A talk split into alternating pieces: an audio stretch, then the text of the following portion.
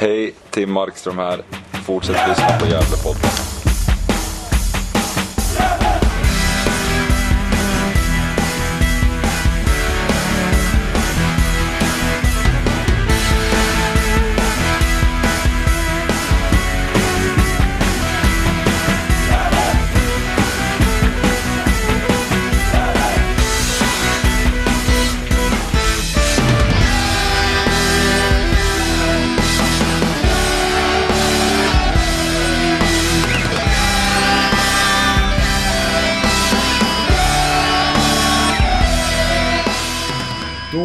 Hälsar jag alla varmt välkomna till Gävlepodden avsnitt 217 i ordningen.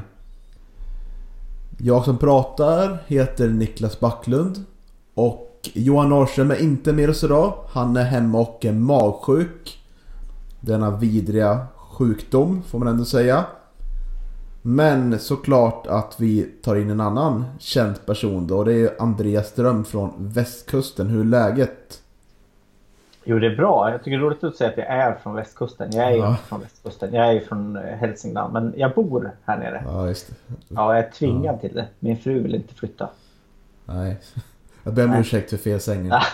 Nej, det är bra. Du blev kränkt där. Ja, jag blir säkert begravd här så att det, det stämmer väl lite. Mm, och vi har nyss pratat med en otroligt eh, trevlig Dragan, Superdragan Kapsevic. Eller hur? Precis. Ja, det var riktigt trevligt. Mm. Eh, men han var lite som man tänkte att han skulle vara faktiskt. Ja, otroligt eh, lugn.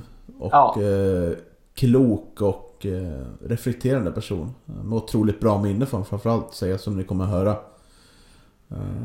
Men det kommer efter vi har pratat lite om lite andra små saker här. Det har ju hänt en del sen, sen förra avsnittet och det ska vi prata lite om här innan ni får lyssna på Dragan som sagt. Och vi ska väl börja med rekryteringen av Magnus Jonsson.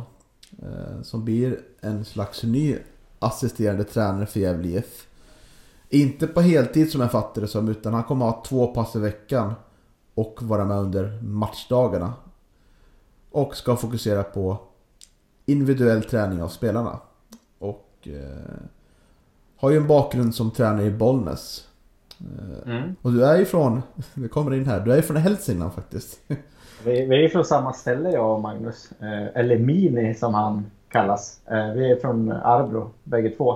Mm. Eh, han är dock några år äldre än mig. Men jag kommer ihåg hans eh, lilla syster från, från skolan och sådär.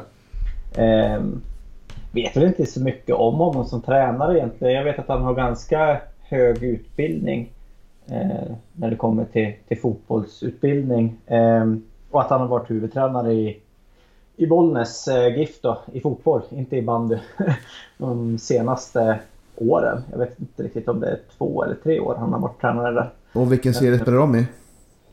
Eh, De har ju varit i, i trean här. Eh, har de varit. Eh, Så att... eh, Ja, eh, jag tror ändå liksom om man ska kolla i Hälsingland så har han säkert en av de högsta eh, tränarutbildningarna. Eh, skulle jag chansa på. Killgissa lite men... Ja. Eh, anses väl vad jag har hört och frågat lite vara bra med yngre spelare. Och eh, han ska väl hjälpa eh, Mehmet i U19 där också. Som jag fattar det som att det blir liksom en kombinerad roll A-lag U19 där. Och att han ska fokusera som du sa Niklas på, på eh, det individuella varje spelare och kanske kunna vrida lite och få fram eh, det bästa av varje individ helt enkelt. Ja, och det är otroligt välbehövligt. Det såg ju en bild där som vår vän Jimmy Morén som driver Gävle 442-bloggen eh, delade vidare när IFK Norrköping presenterade sin ledarstab för eh, 2021. Och det var ju 10-15 personer där. Och eh, då förstår man ju lite att det Mikael Bengtsson var inne på eh, innan han skrev på för ett till år med Gävle IF att det behövs vara fler resurser och då tror jag att det här är någonting han har pekat på. Fler i ledarstaben som kan hjälpa till med att utveckla eh, spelarna och laget. Så ja, det ska bli otroligt spännande att se hur vilken som kommer ta nästa steg då av spelare. Eh, är det någon du tänker så här spontant att den här behöver ju extra mycket träna på något individuellt? Nej, jag vet inte. Jag tycker väl de spelarna kanske har gått de två som jag skulle svara på den här frågan. Men, nej, men det är klart att yngre spelare, jag kan ju tänka mig att eh, Oskar Karlsson till exempel ser ju en väldig potential i. Men det är klart att kan han få någon som tycker till om, om eh, varje detalj han behöver bli bättre på så då, det tror jag är ett plus liksom. Eh, Theodor Hansemo. Eh, ah, kanske de yngre, yngre spelarna. Nu har vi väl inga, inga lastgamla kanske. Det är väl målvakten. Men eh, ja, nej, inte på rak arm sådär. Nej, inte jag heller. Eh... Nej, alltså vi går vidare där tänker jag. Det är otroligt välkommet i alla fall av eh, att Verkligen. Magnus Olsson. kanske vi kan eh, få med honom i, i podden ett tag framöver här så att mm. han kan svara på frågorna själv. Är han lika pratglad som Mehmet och eh, Micke Bengtsson? Uh, ja, jag vet inte. Jag... Uh, oh, skapligt pratglad. Jag tror han... Uh, han är nog som Kapsevich ungefär. Kanske. Mm. Balanserad. Balanserad. Är rätt uttryckt. Ja. uh, ja, men så har ju spelschema kommit här. Eh, alla 30 matcher är ute. Och eh, premiär söndag 4 april då mot Luleå hemma. Och alla matcher ligger på söndagar nu. Och det tror jag kommer ändras för Expressen har ju sagt eh, när de förmedlat ettans fotbolls årsmöte tror jag det var. Att de vill sprida lite med matchdagarna så det kommer nog bli så lite som det var nu i lördag och söndagen men jag tror att vi kan förvänta oss måndag och fredagsmatcher faktiskt. Eh, om jag tolkar det rätt. Så, eh, det kan nog svänga om lite här vilka dagar matcherna spelas på. Mm. Men generellt sett tycker jag, om jag ska dra en spontan här, utan att veta så mycket. För det var lite som Pontus sa i livepodden här, Pontus Andersson som bloggar för Fotboll, att många lagen är faktiskt inte satt sin trupp.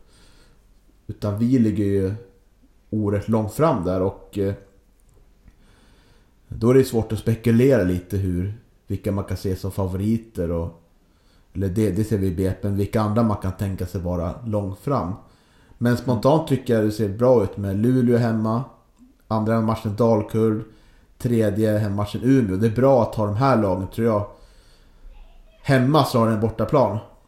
Eh, Det finns ju en, eh, en liten risk att vi åker på några tunga förluster där i början också kan jag känna.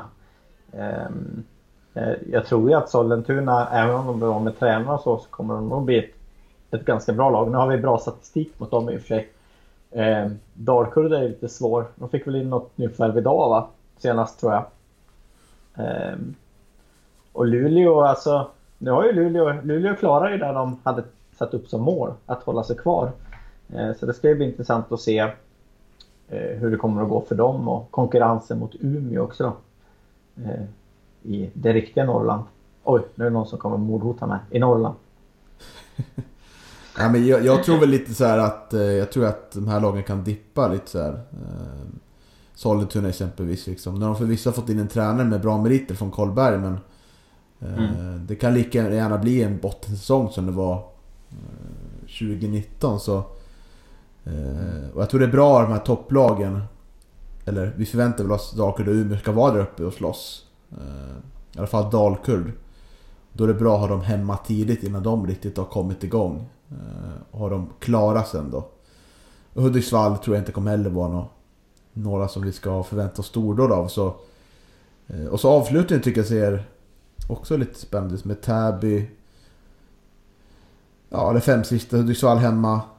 Karlstad borta, Piteå hemma, Täby borta och Sollentuna hemma.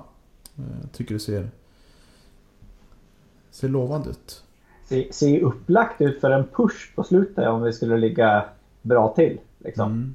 Mm. Eh, för det, det, känns ju inte som att eh, någon av de fem sista matcherna är, är omöjlig att vinna. Liksom.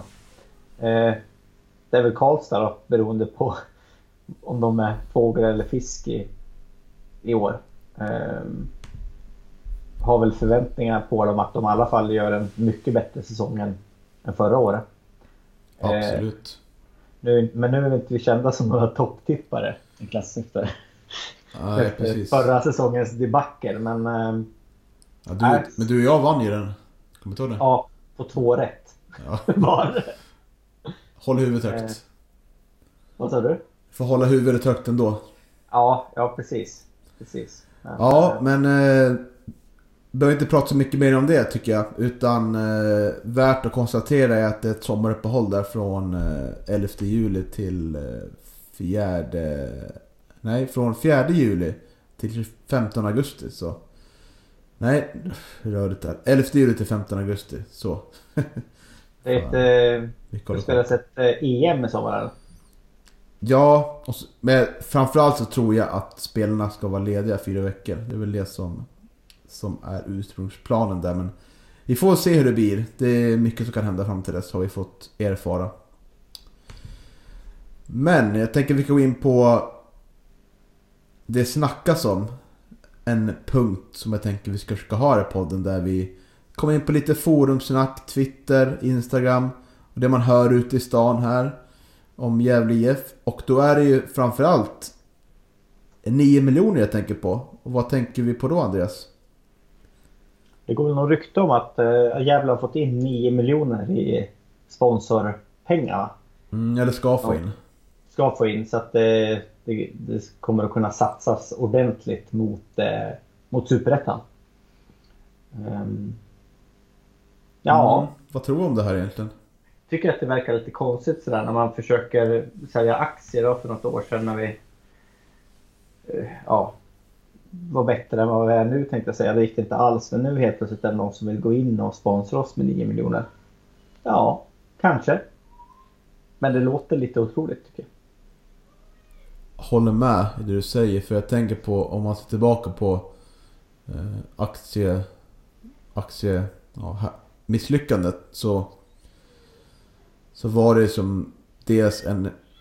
Det lanserades ju när det inte gick så bra sportligt. Men nu, gick det bättre, nu går det bättre sportligt, men jag tror inte att det kan inte vara så mycket pengar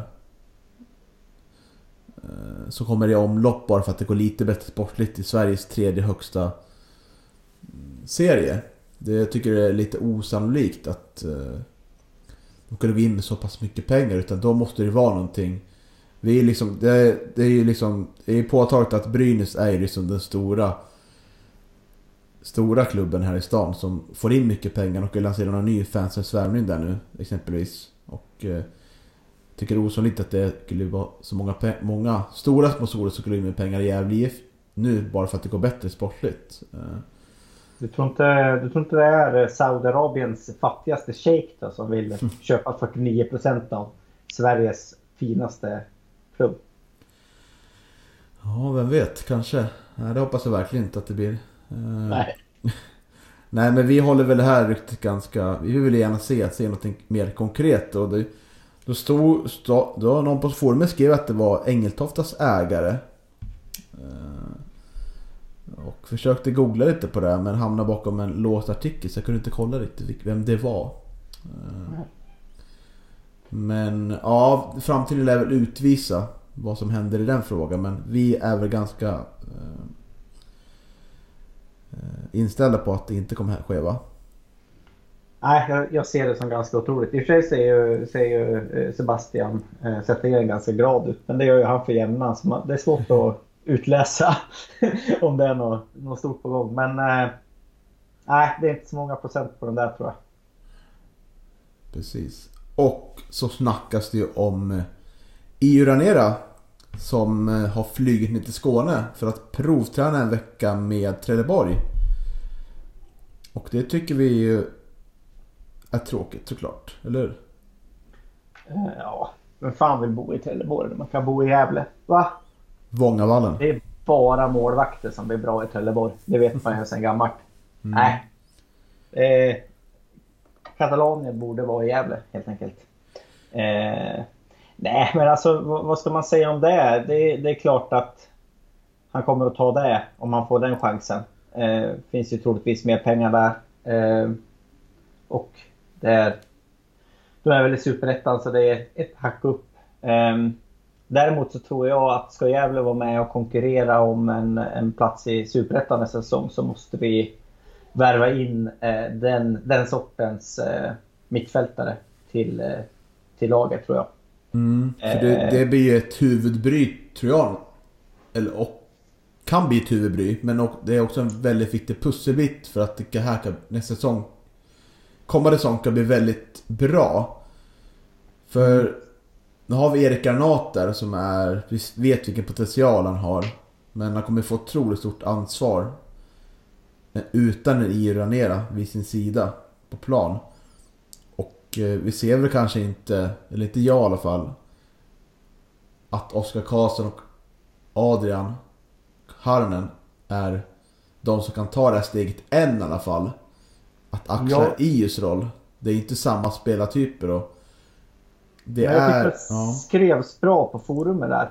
Eh, för det var någon som sa att visst assisten som man gör, det kan någon annan spelare ta. Men det är det här att sätta tempot. Alltså tempot på bollen. Det är den spelartypen vi kanske inte har i, i klubben. Eh, om Ranera försvinner. Eller om Ranera inte kommer tillbaka kanske är bättre att formulera sig. Ja, precis. Och eh, det blir en viktig pusselbit att, att få in helt klart, så jag. Eh, jag säger att det ska in en högerback tycker jag, framhäver fortfarande, och en innermittfältare. Och eh, snackar nu om två spelare där. Och eh, det leder oss rakt in på nästa spelare som är Theodor Hansemon som vi får reda på tränar med A-laget nu tillsammans med Albin Lorenz som är tredje målvakt då, kan man väl konstatera. Spelar i U19-laget. Och mm. som Mehmet sa i livepodden så försvårar det ju att ta upp spelare från U19 på träningen nu som man ska helst inte blanda eh, spelare sådär och eh, då blir det ju intressant att det är Theodor Hansemon som är med och tränar med A-laget. Det, det lär ju betyda att han är otroligt nära ett A-lagskontrakt nu, eller hur? Men alltså jag har ju fattat det som att han har tränat eh, hela förra året också med, med A-laget. Jag tror att han var sjuk på, mot slutet så att eh, eh då var han inte med. Men, eh, och sen, eh, jag läste in det i, i intervjun med, med Mehmet på eh, livepodden där att, eh, att det är någon i, i U19-laget som ska få ett A-lagskontrakt och då då tycker jag att det vore väldigt konstigt om det inte är han. För det, det känns ju som att det är han som har, har varit med eh, mest på träningarna av de, de yngre spelarna. Eh, och eh, nej men han är ju lovande liksom. Eh, jag såg den, eh, det var väl DM-finalen eh, mot Sandviken va? Mm. Och han känns ju väldigt sådär ja, mittbacks typ liksom ledare på plan. Eh, lång, stor liksom. Ehm, så att eh, det skulle ju kännas naturligt om det är, om det är Theodor. Också han från Bollnäs, ska jag säga också. Ehm, som får, eh, får ett, ett A-lagskontrakt härnäst. finns ju några spelare i det här U19-laget som är intressanta tycker jag. Mm. Ja, han är otroligt välkommen Theodor. Han som om man kunde få lagkontrakt till vårt trånga mittbacks upp, uppsättning får man säga. Men det är en otroligt bra konkurrenssituation där tror jag. Ja, mycket att lära där och mycket att ta till sig tror jag. Väldigt bra. Ja, det känns ju som att han tar Ejeblads roll då. Och det tycker jag väl är rätt att vi har en, en backup från de egna leden eller från vårt U19-lag. Eh, någon gång måste man ju få chansen för att kunna ta den också. Så att... Eh, nej, det tycker jag är, är rätt i så fall. Ja, vi tar oss vidare då. Eh, veckans långbollig avlån. Eh, det är otroligt fina frågorna vi haft med. Eh, då är den här var det lite min personliga favorit. Eh, Långboll långbollig avlån eller titta på en K-märkta läktaren på Strömvallen en hel match. Och veckans långbollig avlån är ju tänkt att vara lite en, en diss då till, till något vi tycker är dåligt. Och då har jag tagit ut den här gången. Och det är ju det här ständigt återkommande snöhaveriet på Galevallen. Där det kommer alldeles för mycket snö. Och alla känt som att man inte alls är förberedda på det här. Och så blir det uppskjutna träningar, man förpassas in till Sörby. Och jag tänker spontant, utan att vara någon slags vaktmästare eller planskötare, utan en vanlig supporter, att det här borde kunna skötas på bättre sätt. Eller hur? Ja, men vad är problemet då? Är det slut på soppa i traktorn? Eller är det, är det, alltså, det måste ju vara för dålig, undermålig eh, värme under planen eller? Jag menar det är inte fan, det är inte 1987 liksom. Det är ju 2020. Det borde ju liksom gå att fixa. Ja, jag tänker så att täck över planen då. Köp in någon bra... Så man kan täcka över en matta liknande liksom. Man skyddar planen då. Och mm. förebygg det här på ett bra sätt. Mm. Med att se, ja nu kommer det komma mycket snö nu. Ja, vad kan vi göra liksom för att se till så att verksamheten kan fortgå som vanligt? Gör en eh, riskbedömning och gör, planera verksamheten därefter så att det blir bra liksom. För det, det känns som det blir... Kan tänka mig att det blir otroligt mycket frustration uppe på, på Galavallen liksom. För alla, alla berörda parter. Ja, det är ju så att Gävle kommun måste vara en bättre hyresvärd helt enkelt. Eh, får ju liksom fixa, fixa grejerna. Ska bara mm. funka. Precis. Mm. Och eh, jag vill ju tipsa om att jag är med i en annan podcast faktiskt. Har du sett det? Nej. Det är en aik som heter Jalle Hindersson som gör podcasten Äkta Fans. Och han pratar då med olika lagsupportrar. Och eh, då vart jag inbjuden och jag pratade om Gävle supporterkultur. Från tidigt 2000-tal till idag och med allt vad det innebär. Eh, de tidiga åren, eh, den här bojkotten som vi hade 2009-2010 på grund av tröjfärgen. Kommer vi in en del på. Och lite om vilka rivaler Gävle har och Eh, lite smått och gott där. Så det tycker jag alla ska gå in och lyssna på för det är en viktig del av vår historia. Helt klart. Trevligt. Mm. Sen, eh, har du någon mer punkt vi kan ta upp innan vi börjar avrunda här? Eh, jag tänkte den där som har varit en väldigt het potatis tycker jag i forumet på Svenska fans nu. Det är Sandvikens nyförvärv eh, John Junior som kommer tillbaka. Som eh, många har dissat. Eh, men eh, jag tror att det är bra förvärv faktiskt. Ja. Att, eh, det har varit lite lite tjafs på forum helt enkelt som det ska vara om saker. Eh, ja, jag tror att Sandviken har hittat någonting där. Jag tror inte att det är där problemet för Sandviken kommer ligga utan jag tror kanske att det är tränarstaben, oerfarenhet i så fall. Eh, de verkar få ihop en, en bra trupp och det tycker jag är roligt eh, till, till derbyna. Att det blir bra matcher. Ja... Och inte köra över dem. Jo, det får vi jättegärna göra tycker jag.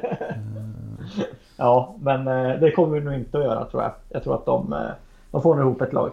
Ser det ut som. Ja, vi får väl se. Det är en bit kvar till derbymatcherna. Ja. Men innan derbymatcherna så vill jag ju påtala och säga att eh, vi kommer sända live från Gävles träning på fredag. På Galovallen. Om det inte börjar snöa massor då. Det har de ju sagt att det ska göra så jag är lite orolig över det. Eh, vi får väl se hur, hur det blir. Men vi utgår från att eh, de sköter sitt arbete på Galovallen galant. Om det börjar snöa. Och hur gör man då för att lyssna? Jo, man går in på mixler.com slash Då kan man ladda ner appen eller gå in via hemsidan. Eh, och eh, där kommer ju A-laget träna på offensiva eh, idéer. Så det ska bli otroligt spännande att se. Och vem har vi med oss då som min kollega? För det är inte du Andreas, du får ju inte åka upp hit. Nej. Det är... Jag tror det är en damtränare från Älvkarleby va? Det stämmer, det är Daniel Sundström, även känd som Sunkan. Eh, som är eh, assisterande Älvkarleby som har Eh, jag undrar om det heter Skutskär? Jag skriver fel där. Ja, kanske jag gjort.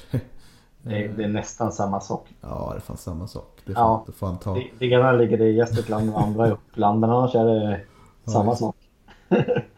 Ja, skitsamma. Han kommer i alla fall eh, sitta med mig och eh, prata lite om vad vi ser. Och han är ju en otroligt eh, duktig tränare. Tog upp eh, Skutskär och i samma, eh, samma divisioner som Gävle IF på damsidan. Så.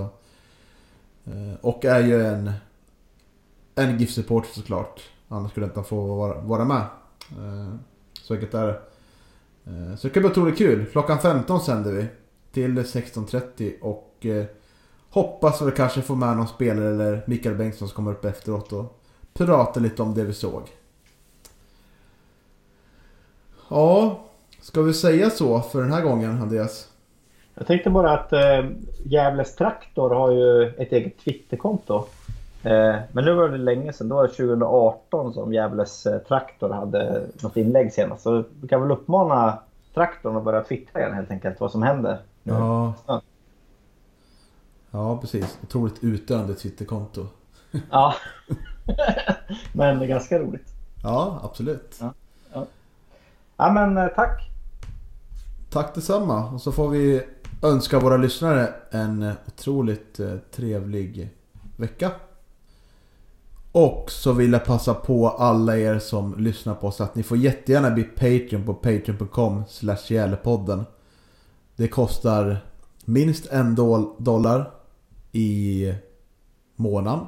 Och då får man poddarna före alla andra och man hjälper oss att utveckla podden rent tekniskt och ekonomiskt. Tjena, det är Adrian. Bra att hitta till division 1 bästa podd. Fortsätt lyssna på det här avsnittet.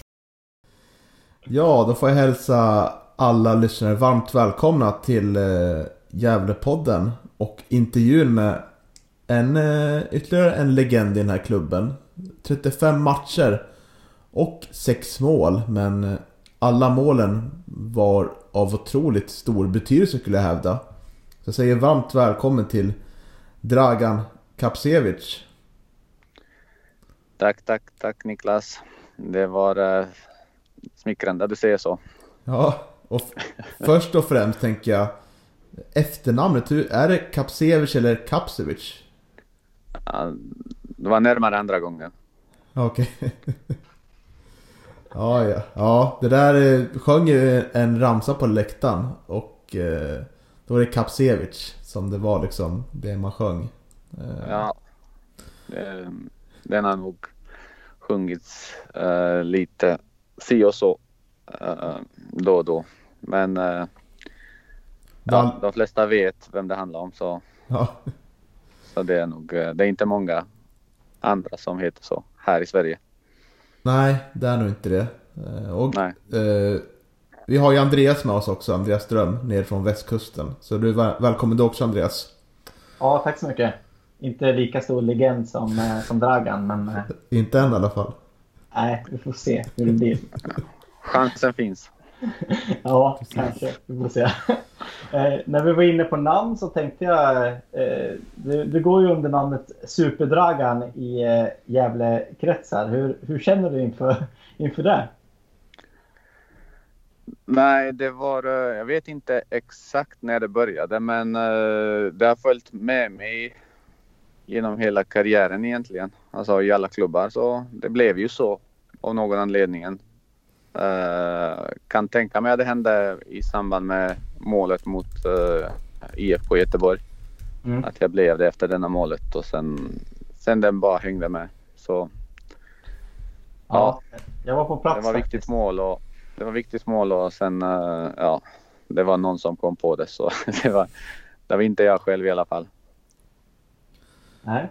Nej, det, är ju, det var ju fantastiskt mål på... Jag vet inte om det var tilläggstid eller om det var precis innan 90 minuter där. Och vi var ju liksom... Vi var Det ju var ute nog åt- 87. 87. Ja. Ja, det var ju Ja. tre, tre minuter tror jag, eh, efter, att hoppa, efter jag hade hoppat in.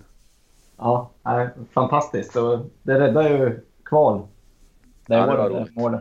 Ja. Ja, jag tänker att Dragan, vi ska börja lite med vad gör du idag är nog många nyfikna på vad gör jag idag? Ja, eh, jag jobbar. Eh, vanlig jobb. 7 till 4 på ett företag här precis. Eh, fått ett fast jobb nyligen faktiskt. Och sen, eh, sen håller jag på med fotboll vid sidan om. Jag tränar ju ett klubb, eller det är också nytt. Första år som tränare blir det för mig i, i år. Ett klubb i, i division 5 tog jag över. Mhm, Sen ska jag därifrån börja klättra uppåt. Tills jag når toppen. Åh, spännande. Så det är, eh, ja, det är min eh, dagliga sysselsättning. Sen eh, har jag familj, fru, två barn. Så det är fullt upp. Dagarna rinner iväg rätt så fort. Ja, och du håller till i Jönköping? Kan det stämma? Nej, i Växjö ja. Mm. Eh, Jag varit lite ja. nyfiken där, eh, Lagan. Vad är toppen? Är det Champions League? Tränare Champions League-klubb eller? Är det Allsvenskan eller? Vad är toppen? Eh, Man siktar ju alltid mot eh, mot det bästa som finns. Så Champions League är det bästa som finns. Men sen får man se. Toppen i Ja. Sverige blir allsvenskan. Sen, sen eh, får man ta det vidare därifrån. M- Målet är att gå om brorsan alltså? Som tränare? Eller jobba, eller jobba tillsammans. Ja. Vad, vad skulle du säga, vad är svårigheten med att, att träna ett division 5-lag när du själv har spelat på ganska hög nivå? Vad är de största utmaningarna? Eh, återbud. Mm. Eh, Många som har jobb och inte eh, kan.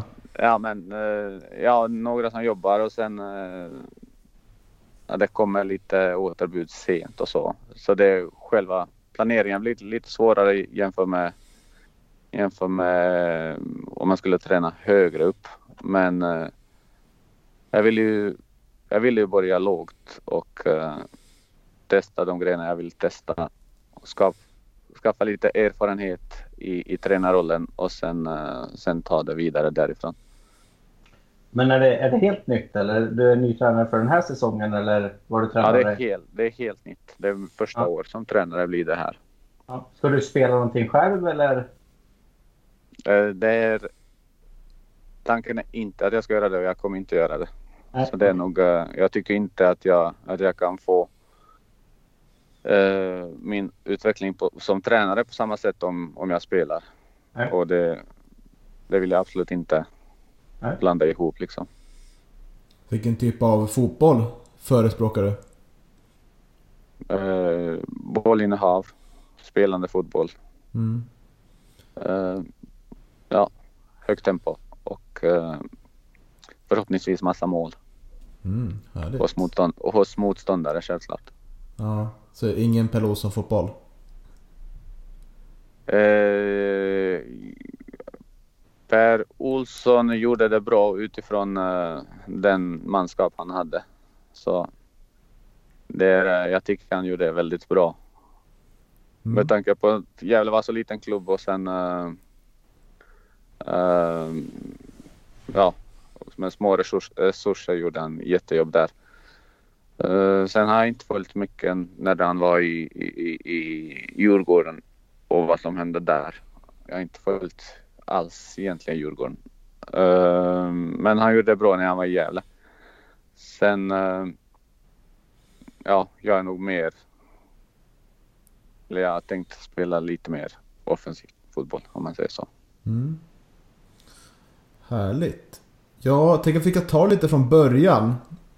Från där du började, säga. Och din moderklubb är ju HNK Rama. Och du har även spelat för... Ja, nu blir det intressant språk här. Eh, Srinski Mostar. Eh, Ja, det stämmer nog. ja, innan du och din bror hamnade i Sverige och Arnundsjö IF. Kan du berätta Ja. lite för oss här hur det gick till när du, när du och eh, Pero hamnade i Arnundsjö? Resan dit. Eh, ja, uh, brorsan Pero han spelade ju på högsta och näst högsta nivå ganska länge i, i Bosnien. Eh, så han eh, tröttnade väl lite på fotboll i Bosnien och sen ville testa vingarna utifrån. Utanför eh, gränserna. Och sen eh, så han kom till Sverige 2004 och tanken var att han skulle eh, provträna med Friska Viljor som var i Superettan då. Och inte att han skulle hamna i Anosjö. Uh, så han kom. Men uh, Friska Viljor hade redan tre utländska spelare. På den tiden kunde man ha bara tre stycken. Mm, just det.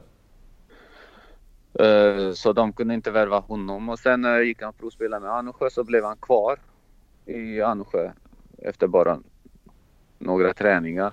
Och sen... Jag kom i bilden först två år efter. Så jag spelade fotboll eh, i HNK Ramma och studerade där nere. Men eh, ville satsa, ville testa fotboll själv.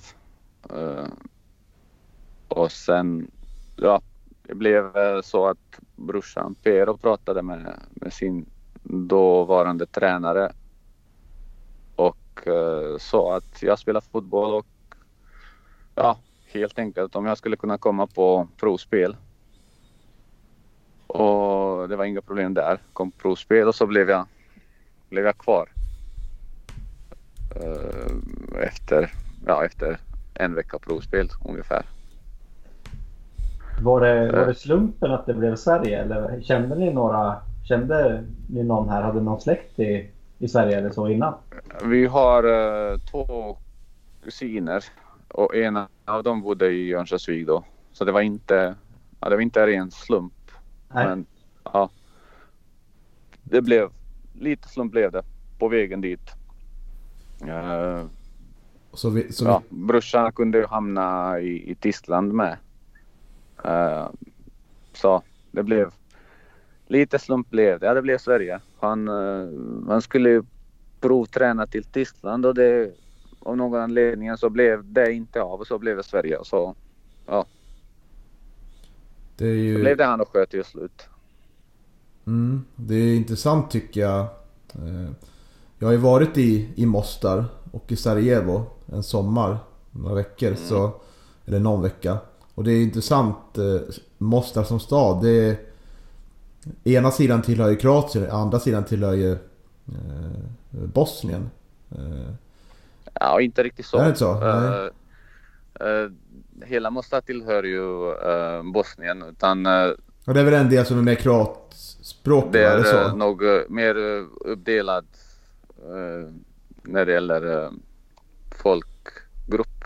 Så är det. Så på på högra sidan av, av vattnet är mest kroater som bor och på vänstra sidan är mest bosnier mm. som, som bor där och sen det är ganska uppdelat och ja du har du hade nog behövt några fler veckor där för att förstå, förstå det hela. Mm, ganska Men jag, komplicerat jag, va? Ja, det är det. Mycket politik och sånt. Eh, men jag har bott i Mostar själv i fyra år. Eh, och sen i Sarajevo ett år också. Vad bra att du rättade mig där, för jag fick det rätt. Eh, det är otroligt varm stad Mostar också kommer jag ihåg. kan bli otroligt varmt ja, du var där på sommaren ja. Ja. Ja, ja. Fruktansvärt. ja, verkligen. Det är, det är för varmt. Sen tänker jag att det var ju otroligt i alla fall, det upplevde jag när jag var där, en otroligt varm inställning till svenskar. Vi åkte ju så här tåg från Sarajevo till Mostar som var skänkt av, av svenskar. Så, eh, förstår väl kanske att du hamnade i Sverige då. Att det, kan, kan det vara någonting av det att det, det var, var ett bra rykte Sverige hade nere i Bosnien då? Ja, jag tror nog att Sverige har en, ett bra rykte i hela världen. Och Bosnien mm. är inte undantag. Så det är, eh, Sverige är ett bra land att, uh, att leva i. Mm. Uh, så det är nog, uh, ja, Sverige har haft bra rykte genom, genom alla år och sen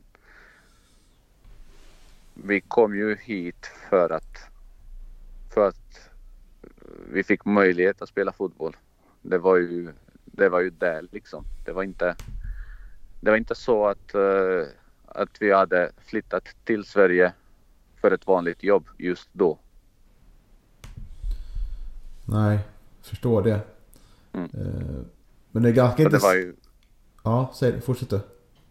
det var ju fotbollen som, eh, som drev oss liksom. Ja, man ville ju testa hur det är att, att spela i ett annat land. Och hur, hur var ersättningen då att spela i Anundsjö när du kom dit? Vilka summor rör det sig om? Vad sa du? Vilka summor, vilka pengar rör det sig om i Anundsjö? Eh, ja, ja, det var, eh, det var nog långt under, eh, under eh, vanlig, vanlig lön. Jag kan, alltså, de var division 1 och sen de kämpade liksom med ersättningar och så med Uh, det fanns ju en regel, det, fanns ju, det finns ju fortfarande för vi var ju vi var inte icke EU-medborgare Mm. och då, då måste man betala 14 och 3 tror jag det låg på till en utländsk spelare. Eh, I månad plus man fick lite andra, andra förmåner liksom. Med, jag vet inte med ICA-kort och sånt. Det var så länge sedan. Ja. Men eh, det var ju mest sådana ersättningar. Så, så för, för, att vara, för att vara den nivå, division 1, så var det rätt så okej betalt. Mm. Eh, men eh, det är inte så att man blir att man blev rik på de pengarna. Det absolut inte. Det var snarare tvärtom. Ja, kan tänka mig det. Ja. Ja. Men Men, du, du, jobb, du jobbade inom skogen va? På något sätt? För något skogsbolag eller? Där uppe? Mm, nej, jag jobbade åt Örnsköldsviks kommun. Ah, var det så det var? Eh, Okej. inom, eh, vad heter det? Ja, vattenverk och, och, och Ah, okej. ja, det var det. Var det. Jag kontrollerade så att vatten, vatten, vad heter det?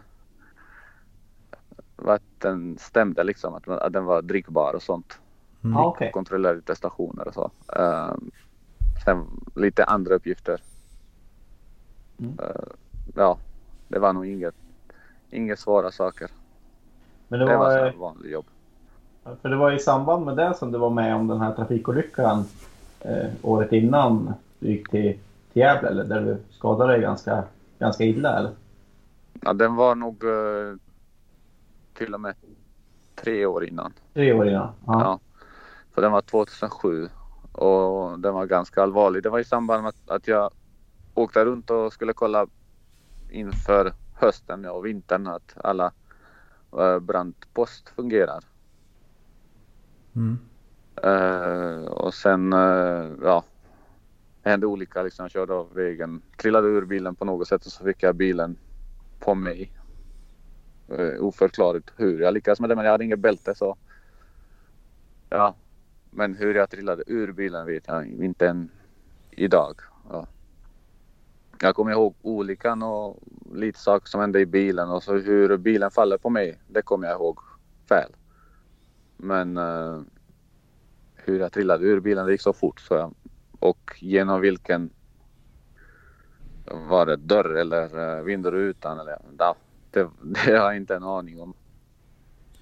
Men du tappade medvetandet då, eller var du vaken under hela tiden? Nej, nej, jag var vaken hela tiden. Oj. Mm. Där var det en väldigt chock för kroppen och för syn, allt möjligt. Nej, Jag tror inte jag fattade då. Jag trodde att bara att de skulle lyfta bilen. Sen, jag skulle spela en match dagen efter. Så min första tanke var hur skulle jag ringa tränaren nu och, och, eh, och berätta att jag kanske kommer inte kunna spela matchen.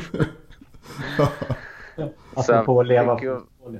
Ja, så jag fick ju vänta där i eh, cirka 25-30 minuter på brandkorgen. Så folk samlades ju där. Det var så vanligt folk som bodde i närheten försökte lyfta bilen men det, de kunde inte. Det var för tungt. Sen brann bilen. Kom sen när de lyfte bilen så ja, insåg jag att nej, jag kan inte flytta på mig alls på egen, på egen hand.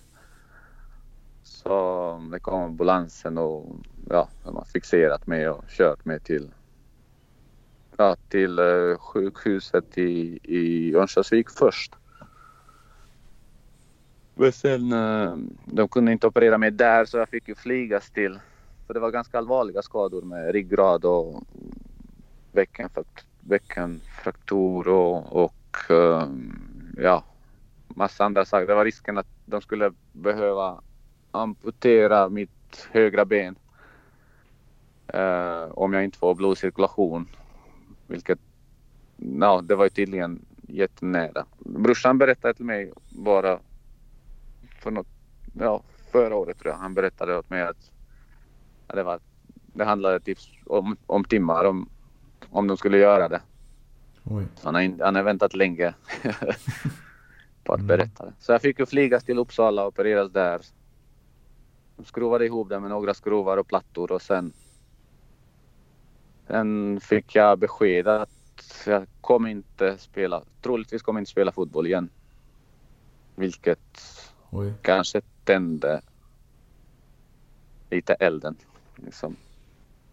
Att, eller motiverade mig att komma tillbaks. Så kämpade mig framåt. Tre månader, tre månader med kryckor och sen eh, lite, ja efter det började jag gå lite, sen jogga lite och sen såg jag att det går bara bättre och bättre.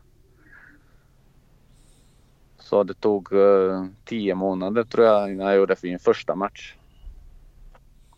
Åt Anusjö då. Det var ett derby mot Friska Viljoröst. Mm. Eh, jag gjorde två mål i den. Fick ont. Och sen ja, körde jag, behövde jag köra mer rehab. Så tog det nästan tio månader till innan jag spelade nästa match. Uh, och sen, sen blev det Sollefteå. Uh, först höstomgången och sen våromgången. Och sen blev det Gävle. Men under den här tiden när du, när du var under rehab och när du skulle börja spela fotboll igen. Hur, hur jobbar du med mer mentalt med det? För det var otroligt jobbigt då. Ja, dels det som du säger att en läkare säger att ja, du kommer aldrig kunna spela fotboll igen. Och så, och så går du och eh, spelar första matchen på 10 månader och blir borta 10 månader igen. Jag tänker att du lär ju ha ett psyke av stål. Eh, ja, vad ska man säga? Jag, Eh, jag vet inte vart jag fick det. Alltså jag, jag kommer ihåg eh, alltså när jag var, om man tar det hela vägen från början så som liten, som sjuårig var jag flykting och sen uh, kommer man ihåg uh, rätt så väl kriget och granater och sånt. Sen när jag blev uh, tio och tio år och uh, elva månader. Uh, Min pappa dog. Så det var ju de sakerna som säkert påverkade mig att ja, jag måste ju hantera saker liksom. Det var, det var inget uh, slump att man, att man kan hantera svåra saker. Uh, utan jag tycker det har stärkt mig rätt så mycket. Och sen det här med olyckan liksom, ja. Det var bara en hinder på vägen.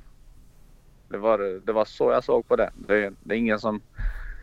Han Det är ingen, det är en läkare. Han, ska ju, han vet ju vad han snackar om. Men jag kunde gå. Sen efter någon månad så såg jag att jag kan ju springa. Sen började jag sparka bollen. Ja men det här funkar ju. Så jag var bara vidare. Tränade mer än, än alla andra. Sen, ja, det gick bara bättre och bättre och sen Ja, en motgång till, tio månader till. Ja, men vi kör på det. Det är ju en, en fantastisk historia, Dragan. Um, du har aldrig tänkt på, om du inte hade varit med om den här ol- olyckan, vart du, tror du att du hade tagit dig längre inom fotbollen då? Att det liksom har hämmat dig på, på något sätt? Eller tror du att det, att det är tvärtom? Liksom? Att, du, att du fick ett bättre psyke av det? Eller hur har du analyserat och tänkt liksom hur, hur Eh, det hade kommit utan olyckan eller inte kommit då? Det är nog eh, rätt så svårt att, eh, att eh, säga vad det, vad det hade varit. Men eh, fotbollsmässigt har jag tappat två år alltså i min fotboll, fotbollsutveckling om man säger så. Och det var, jag var eh, 22 när olyckan hände så det, är rätt så viktiga två år. Alltså Mm. 22 till 24. Ehm, så jag vet inte var jag hade varit när jag var. Jag kanske hade hamnat tidigare på högre nivå och fått ännu bättre utveckling. För nu, var jag, nu blev det inte två år utan det blev fyra år där jag, där jag inte fått den utvecklingen som jag kunde få. För jag, ja, hade jag hamnat kanske i superettan i allsvenskan som 22-årig och sen eh, fått bra tränare, bra utveckling där. För jag kom till Gävle först när jag var 26 så Mm. eh, det är fyra år egentligen där jag, där jag kunde få bättre fotbollsutveckling. Men eh, å andra sidan vet jag inte om eh, min mentala delen hade, hade blivit lika stark då som den är nu. Nej, precis. Ja, det, det, ja, jag förstår att det är svårt att, att, att säga, men, men nej, en fantastisk, eh, fantastisk historia är det ju. Mm. Ja, ska vi gå till eh, där du slutar själv då? Eh, 2010. Pelle Olsson kontaktade dig och eh, du kom ner på provspel till Gävle. Hur gick dina tankar när du åkte ner till Gävle? Trodde du att det var möjligt att få ett kontrakt? Ja, det var, eh, det var inte slump, slump det heller. För jag var eh, bara en vecka innan så var jag och tränade med, med Östersund. Och då mötte vi Wigan som spelade i Premier League då. Wigan United, Mm. Wigan Athletic eller vad heter de? Mm. Wigan, ja. Eh, så vi mötte dem med Östersund. Jag var... eh, jag blev inbjuden från Östersund och sen Eh, det gick ju skitbra i den matchen för min del. Alltså, jag gjorde mål och spelade liksom felfritt egentligen. Mm. Uh, gjorde snyggt mål. Den finns också på Youtube tror jag. Mm. Eh, så Östersund ville ha mig och jag skulle få mer pengar i Östersund egentligen än, än jag fick i Gävle mitt första kontrakt. Men uh, jag, och jag var överens med Östersund. Det var det var klart liksom. Jag hade ju kontraktet och vi var överens om villkor och allting så det var, det var bara ett påskrift som fattades och sen, den fick jag höra från Pelle att han ville ha mig på provspel och eh, då gjorde jag provspel och mötte BP i ett o match. Eh, jag och Sulan blev spelade forwards då mot BP och så gjorde jag två mål i den matchen. Eh, sen gjorde jag en träning, det var en måndag och sen en tisdag hade vi träning och sen det gick så fort alltså. Jag blev erbjuden kontrakt och jag skrev ju bara på den direkt. Sen ringde jag eh, Östersund och sa att det handlar inte om pengar utan- mitt mål var att komma till allsvenskan när jag kom till Sverige så det handlade alltid om det. Östersund låg väl i... Kan de lägga Superettan då eller? Nej, de låg i ettan då, så de Ja, trillade oj. ner. Så det var precis eh, ja, innan, innan Graham Potter kom dit. Men det fanns pengar ändå, kan man lugnt säga. Eh, ja, I Östersund alltså. det... Nej, eller så. Man kan vända på det. Det fanns inga pengar i Gävle. Ja. Korrekt. ja, så det var alltså den sportliga biten som gjorde att valet föll på, på Gävle? Ja, men det har, det har alltid eh, handlat om att eh, spela så högt upp det gick. Mm. Och du kom in där kring sommaren, hösten då. Och du gjorde ju... Ja, det var när Alexander Gent stack till Helsingborg så, så jag kom ju dit. Just det. Och hur upplevde du hösten 2010? Hösten, det var ju skitbra egentligen för jag gjorde ju mål i min debut mot eh, var det Åtvidaberg hemma. Så jag lant och sköt så blev det retur på mål så jag bara nickade in det lite lätt. Mm. Eh, Så jag fick eh, lite speltid som jag tycker jag tycker jag, jag utnyttjat den rätt så bra. Liksom. Gjorde någon mål. Gjorde mål mot Kalmar som var också snyggt. Skott utifrån och sen eh, där målet mot Göteborg som, som var både viktig och rolig att göra. Mm. eh, för alla supportrar och, och, och, och, och för hela klubben. Liksom det var, eh, man vet ju vad hade hänt om vi hade trillat ner. Hur var stämningen i spelartruppen under den här hösten? Det var ju väldigt eh, nära ändå att det blev... Eh, ja, man trillade ur helt enkelt. Hur, hur tyckte du, upplevde du stämningen? Jag tycker det var stämningen i truppen höll sig rätt så bra egentligen. Men jag tycker det var mer supportrar som blev lite... Kommer ihåg när jag tittade på Gävles första match innan jag skrev på. Uh, jag tror man mötte... Kan det vara... Jag vet inte vad Häcken eller Mjällby hemma. Uh, så Gävle förlorade då och sen blev det massa supportrar som så, ja, så här, skrek på spelarna sen när de skulle in och så. Jag tyck, det, det tycker jag inte det var. Det var rätt mot att göra så mot spelarna. För de, de, alla spelare där var jättebra killar och försökte göra sitt bästa hela tiden men ibland räcker inte till det. Så stämningen i gruppen var, var bra. Uh, vi behövde bara poängen. Det var, eh, ja, det var det. Mm.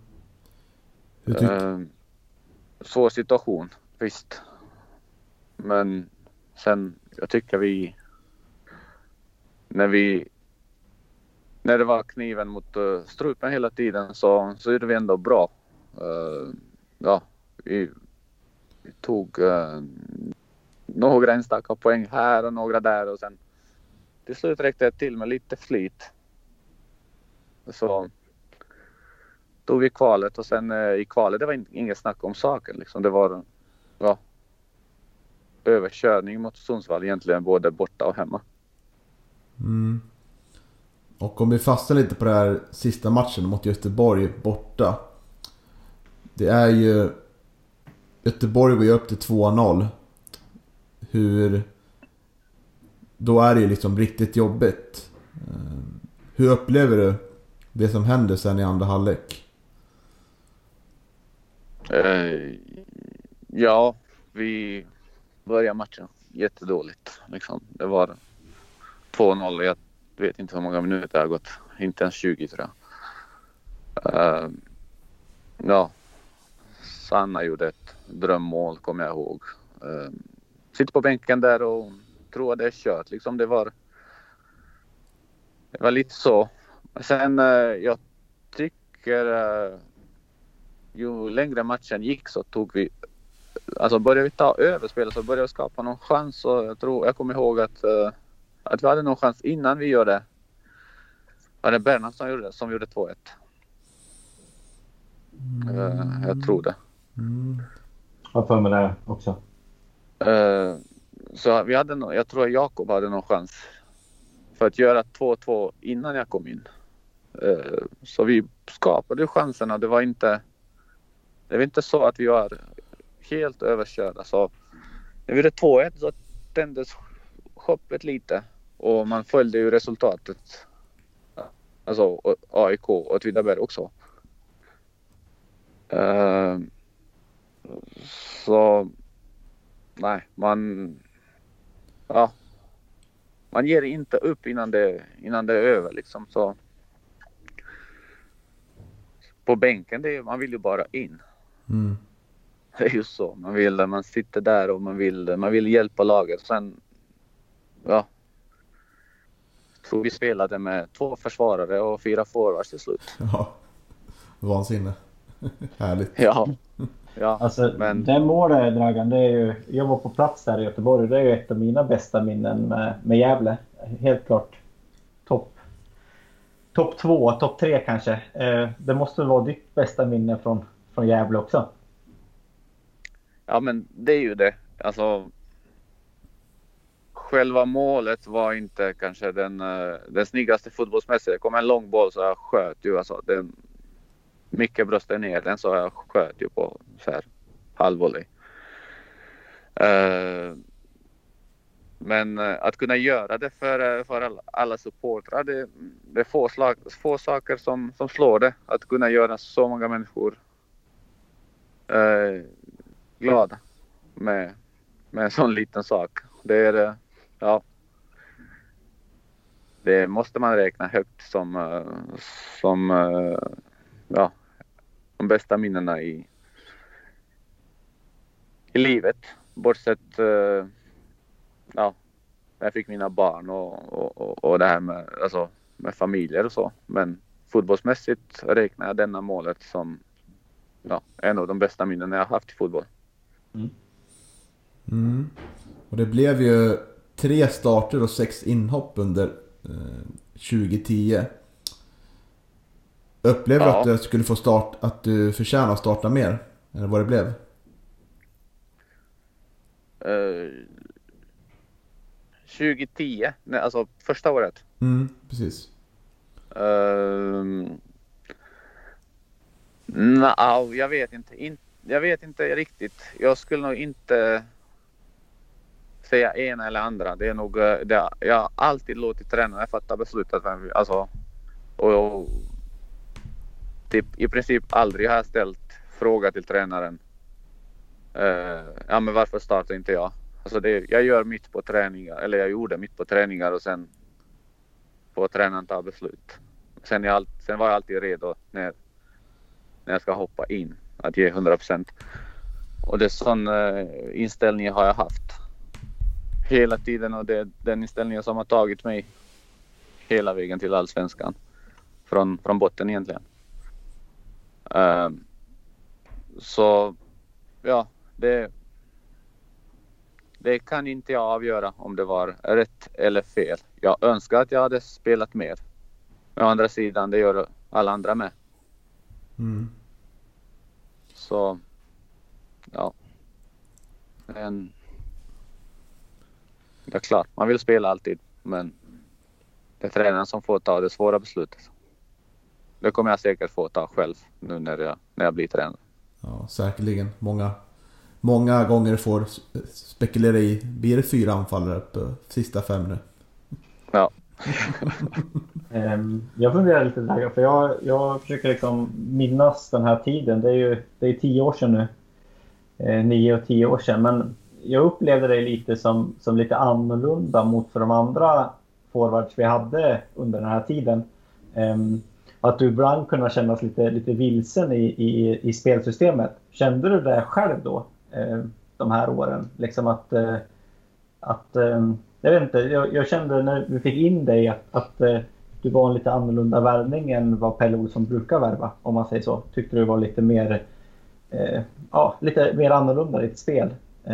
Inte Ja, riktigt det- djupled utan att du, du var lite mer teknisk då när du var lite yngre. Sen tycker jag du, du kanske blev en Pelle Olsson-spelare i slutet av din karriär, för jag har ju sett dig spela i andra klubbar Ja. också. Men, Det, Men, det då kan jag liksom. nästan, eh, nästan hålla med om att jag var mer teknisk när jag, när jag kom till Gävle än när jag lämnade den. Det, ja, Ja, Det att du är- fick ut det kände jag riktigt. Att du, de ville att du skulle spela på ett sätt som du kanske inte riktigt var. Liksom, på något sätt. Det, jag fick en sån känsla då. Jag vet inte om den var rätt eller fel. Nej, jag, jag tror din känsla stämmer rätt så bra. För jag, ja, jag kunde utmana och göra, göra saker lite. Mm. Eh, lite på egen hand, eh, både på träningar och så. Så det tyckte jag var roligare än att, än att eh, bara brösta ner eller nicka ner eller ta ner bollen till, till en uh, uh, ytterfältare och sen ta sig in i straffområdet. Men man får anpassa sig liksom. Man, tränaren har sin idé hur han vill ha det och sen ja, antingen följer man det och spelar eller så följer man inte det och spelar inte. Jag har, jag har ett svagt minne. Kommer inte du in ibland matcher och spelar yttermittfältare någon gång? Ja, en enstaka gånger kan Ja. det vara. Men eh, ja, det var någon enstaka match jag kommer jag ihåg med. Mm, det var aldrig någon tanke från att det, ni tränade på det? Att du skulle eventuellt kunna spela med som en yttermittfältare? Tack vare dina tekniska egenskaper.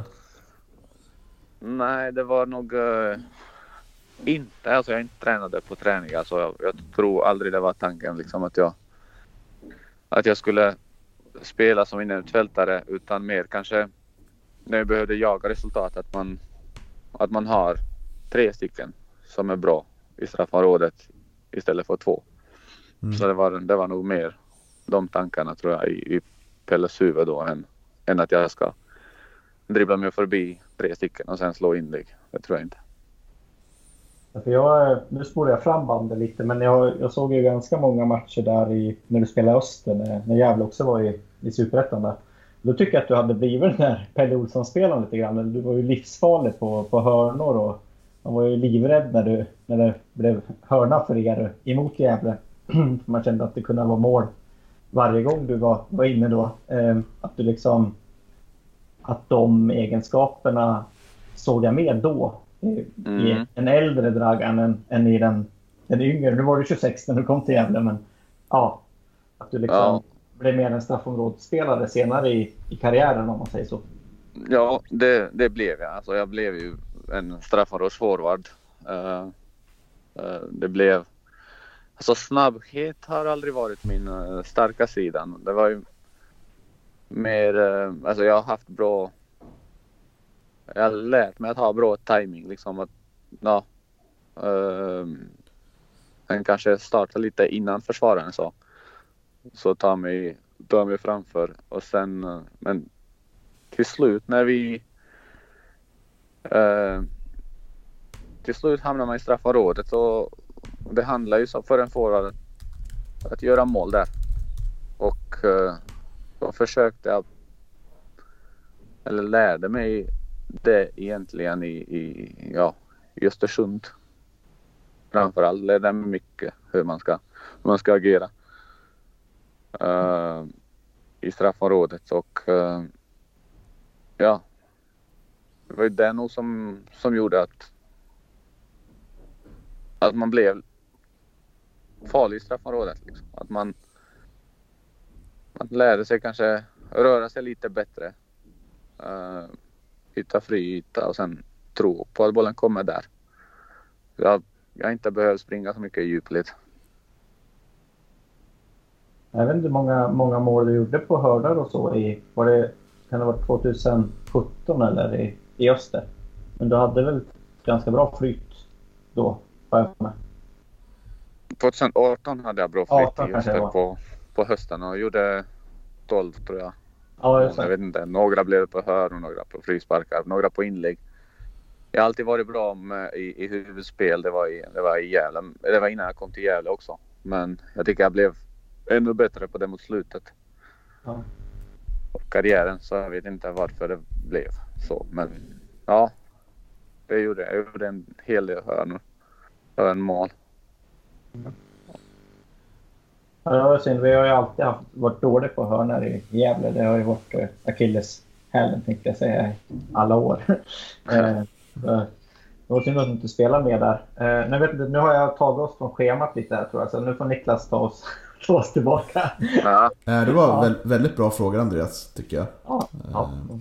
Du har gjort din scouting väldigt bra, får man säga.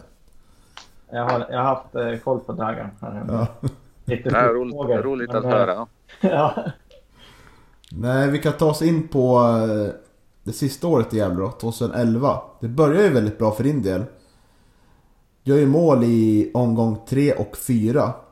Två matcher i rad mot Örebro och Trelleborg. Och du startar de fem första matcherna. Men sen blir det mestadels inhopp under resterande del av säsongen. Ja, det stämmer. Det var... Uh, uh, 2011, jag kände mig stark då och hade varit i bra form redan från början på försäsongen. Spelade mycket på försäsongen och eh, eh vi tränade stenhårt med Johan både på gymmet och det var... som- man var taggad och, och vältränad och sen första matchen startade mycket och uh, Jakob borta mot Syrianska och Micke gick sönder. Han, eh, han bröt ju tå, tror jag. Eh, så han blev borta fem veckor. Och under den tiden fick jag spela. Och andra omgången fick jag straff mot IFK Norrköping. Mm. Eh, Som blev mål och sen gjorde jag jättesnyggt mål mot Örebro borta. Sen vi vann den matchen. Det var ju, vi har aldrig haft vinst där innan i Örebro. Och sen uh, var det, eller året innan förlorade vi 3-0 där borta. Så året efter vann vi 3-2. Uh, eh, matchen efter var Trelleborg hemma. Vi torskade 2-1. Jag gjorde mål för oss. Sen Häcken borta var matchen efter det. 0-0. Och sen eh, matchen efter var Halmstad hemma. Vi ledde 1-0 när jag byttes ut. Sen gjorde de något frisparksmål precis. Precis när jag satte mig på bänken och sen uh, Jakob gjorde 2-0 strax efter det. Och sen efter det har jag inte fått spela och har jag har inte fått någon vettig förklaring till varför det blev så. Så jag kan tyvärr inte. Det är Eh, fascinerande att du, att du kommer ihåg alla resultat. Det är helt, helt otroligt. Ja men det gör det. Har du bra minne överlag? Ja, ja. Häftigt. Jag brukar framförallt uh, så här uh, fotbollsmatcherna och mål där jag, har varit, där jag själv har varit inblandad så kommer jag ihåg. Och sen fotboll som jag har tittat på kommer jag ihåg väl. Ja. Jag vet inte varför det fastnar i huvudet men det gör det bara. Hur, eh, hur frustrerande är det då som fotbollsspelare när man liksom inte får någon riktig förklaring heller? När det ändå man har börjat bra liksom. Man tycker själv att det har gått bra och sådär och så hamnar man liksom i lite i frysboxen sådär. Eh, du sa ju förut att du hade väldigt mycket tålamod med, med tränare och, och nu är du en själv liksom. Men vad, hur frustrerande är det egentligen? Liksom? Ja, egentligen det är väldigt frustrerande. Alltså. Eh, eh, men vi har snackat om mitt psyke innan så jag ställde inte så många frågor. Så jag tog chansen när, eh, när den kom. Det var mest inhopp. Då blev det några enstaka mål. Någon mål blev det till efter det tror jag. Kalmar. Mot Kalmar hemma. 1-1 när Rydström hade den fula hjälmen. Mm. Ehm, sen, eh, jag vet inte vilket, om det var någon. Ja, det blev nog inte mer. Det var de tre målen det jag gjorde detta året. Ja, det stämmer. Ja, Men vad, det var alltså ingen riktig förklaring från Pelles sida varför du inte fick spela? Han hade inte den dialogen med dig? nej, inte förklar. Alltså, själva förklaringen var så här. Vi, han och Thomas sa att eh, eh, vi, alltså Micke blev frisk och så han tränade med oss, alltså med laget en, en hel vecka. Och eh, hela förklaringen gick ut på att de sa att vi, vi tycker eh, att det är bättre att vi startar med Micke denna matchen. Eh, efter, eh, efter vinsten mot Halmstad. Så ja, det var ju, det var ju själva förklaringen till det. Så det var ingen, jag sa bara okej och sen uh, väntade på en ny chans. Och hur kändes det när, det inte, när den inte kom? Från start? Nej, jag tyckte det var alltid bara, det var bara kul att spela fotboll så jag, ja. Tyck- Alltså man väntade ju på den. Sen när det inte kom så spelar man O21 så gör man mål där istället. Så det, ja. Det är ingen publik men det är lika kul. Ja, du nämnde ju tidigare din kollega där, Sulan. Och han har ju... Sa ju när vi hade honom som gäst podden att han gillar inte de här u matcherna Så ni skiljer sig lite åt där kanske. Ja, men eh, ja. Jag har inte haft problem att spela O21-matcherna. Det var, det var nog mest eh, om det var längre borta så. Man behövde resa långt och så men jag har inte haft problem att, med att eh, spela. Det, det är alltid roligt att spela fotboll. Men eh, fördomen säger Dragan att, eh, att eh, jugoslaver har humör, men jag måste säga att du verkar ju ganska lugn som person. Ja, men det ja. Ja. Det är nog, eh, det är nog, man, man mår inte bättre av att, av att bli förbannad. Nej, Kloka kan vi ord. lära oss mycket. Ja, Ja, ser ut som att kolla på, på fotboll i Gävle så kan vi väl ja, ja precis. Men då är, brukar jag vara lugn. Ändå. Det, det är Ja. ju vår kompis Johan Norrström som brukar hetsa upp sig liksom när, det, när det inte, resultaten inte går som han vill. Ehm, Ja men året då, 2011, det var ett otroligt framgångsrikt år för Gävle IF. I alla fall halvåret. Eh, låg i fyra där i, mitten av sommaren. Och Hugosson släppte inte in några mål. mm. Eh, det lär vara en ganska skön, skön stämning där runt Strömvallen och kansliet. Och bland spelarna. ja det var det. Eh, resultatet gick bra. Alltså, vi spelade bra försvarsspel. Hugosson hade en jättebra säsong. Allting var bra liksom. Det var... Eh, ja. Det var uh, säsongens överraskning liksom i, i hela allsvenskan. Och det var... Uh, Nej, det var roligt. Mer publik på matcherna och... Ja. Det var... Uh, Det var en rolig tid. Det var lite synd att vi... Att vi slarvade bort ett bättre resultat där på hösten. Mm. Hur, kändes, hur kändes det för din del då att vara på sidan när det gick så bra? Liksom inte få spela så mycket. Eh, var det lätt att glädjas åt framgångarna ändå eller var det mycket av de här känslorna kring att inte få spela från start mer som ja, kanske gjorde att det inte kändes lika bra då om du förstår frågan? Jag förstår frågan exakt, men eh, jag tycker det... Alltså, är man med... Jag har alltid varit med eh, i 18 trupp. Man, man får inte glömma det fanns ju folk som inte var med där. Mm. eh, som var på bänken och som, de som var ännu mer utanför. Så eh, jag valde hellre att se på det. Ja, men det är roligt att jag är med. Jag kanske får chansen. Så jag har alltid varit glad när vi vann och eh, kommer alltid bli så. Även när man är utanför eh, 18 man trupp så tycker jag tycker jag man ska försöka stötta de grabbarna som, som är på plan. För ja, är jag förbannad så, så gör jag inte nytta verkar för mig själv eller för laget. Du är en riktig lagspelare. Ja, Ja, ja. Det, Ja. det, det, det är absolut. Ja, man får lite intryck av att du kanske var lite av en väldigt bra kompis och lite... Du har ju potential att kanske bli en psykolog Dragan. Eller fotbollstränare.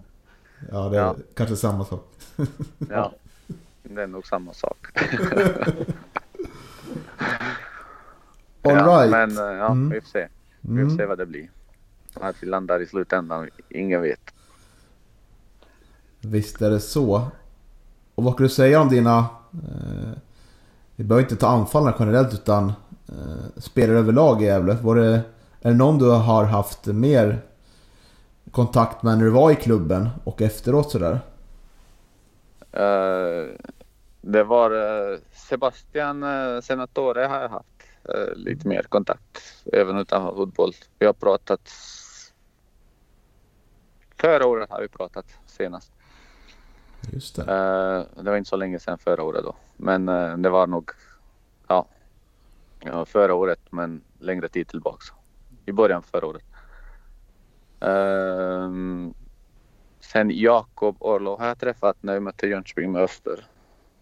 Ehm, så jag har ju ja, träffat några. Någon gång i Jensportin har jag mött igen när jag var med Öster. Men inte så att jag har eh, haft så här, eh, kontakt mer än med senatorer. Det är bara med senatorer som jag har haft. Ja. Eh, lite mer. Kontakt var vi umgicks rätt så mycket när vi var i Gävle. Alltså privat utanför fotboll. Mm. Ja, otroligt hård konkurrens där på vänsterbacken hade han senatorien när han kom. Jag ihåg. Mm. Hur, Var inte lätt. Ja, nej, men han var, jag tycker han var duktig fotbollsspelare. Mm, absolut. Hur, eh, hur mycket koll har du på Gävle i, idag då? För lite. Ja. All- Alldeles för lite. Jag, jag har ingen koll alls förutom att de spelar i, i division 1 och eller spelade förra året i division 1 och gjorde det helt okej väl. Tycker ja, jag. Sjua. Ja, Det var okej. Nej, så men det man, får, man får hoppas att, eh, ja, att de klättrar någon, någon placering till i år. Har du någon mer fråga Niklas? Nej, det har jag nog inte. Nej, jag, jag tänkte jag ska köra en liten bubblare bara som, som avslutning. Ehm, jag vet inte, eh, din bror gick, eh, när innan eh, Mikael Bengtsson eh, gick till Gävle här, våran tränare, så gick det ju rykten om, om din bror. Är det någonting du kan eh, bekräfta eller dementera eller var det bara rykten? Till Till Gävle? IF alltså. Till? Till Gävle IF. Eh, nej, jag kan nog inte bekräfta riktigt. Jag pratade med brorsan och sen jag, jag kan inte komma ihåg att han har nämnt Gävle. Det finns ju, eller det finns ju och det fanns intresse från andra klubbar och han kommer bli tränare någonstans eller ha en, en roll någonstans. Mm. Eh, men uh, Gävle kommer, då, kommer jag inte ihåg att han har nämnt. Det tror jag inte. Jag tror det nog Ryk- Rykten bara. Man tog ju de rykten, men det behöver inte vara heller så jag... Ja, Nej. ja, när skrev Bengtsson på? Ja, det är ju innan, innan eh, förra, förra säsongen. 2019. I januari va? Mm. 2019. Så det måste ha varit där i ja, november eh, 2018 någonstans. Där när, när Marcus Bengtsson eh, avgick där. Mm. Lämnade som, som... Men det kan ju vara att man, man tog eh, intressanta namn i Norrland helt enkelt. Tränar, Jag tror det fanns, ja exakt. Jag, jag tror det, jag har sett en artikel i tidningen någonstans. Det fanns ju några bilder på sex spelare eller något sånt. Ja. Ehm, men jag kommer inte ihåg att det var eh, någon som tog kontakt med brorsan. Det, det, det vet jag inget om. Nej. Och jag, jag brukar veta, eller vi brukar dela saker med varandra. Så. Ja. Ja, det, det kanske blir en, en annan eh, Kapsevich i, i Gävle IF som tränare i framtiden. Det kanske det blir. Ja. Får vi se. Ja, men eh, stort tack för att du tog dig tid Dragan. Det är... har varit en ära, kan nog tala för både mig och Andreas att få prata med dig. Eh, ja, men tack, eh, tack själva. Det var, det var, ja, men det var roligt att prata med er och sen, ja, det var inga problem från min sida. När jag, när jag har tid så ställer jag upp. Så idag passade och får jag bara tacka. Det tog nog lite, några minuter mer än vi tänkte från början, men det var roligt. Det var därför det tog längre tid. Precis. ja, Ly- Lycka till i tränar, tränarkarriären. Ja, men tack så mycket. Lycka Ja. till själva med, med det ni gör och håller på med. får jag hoppas att du... Vi återser er på Galevallen och... Eh, gärna i Gävle IF-färger men även i motståndarfärgerna så kommer du vara varmt välkommen är jag säker på. Ja, men tack så mycket. Det ser jag fram emot.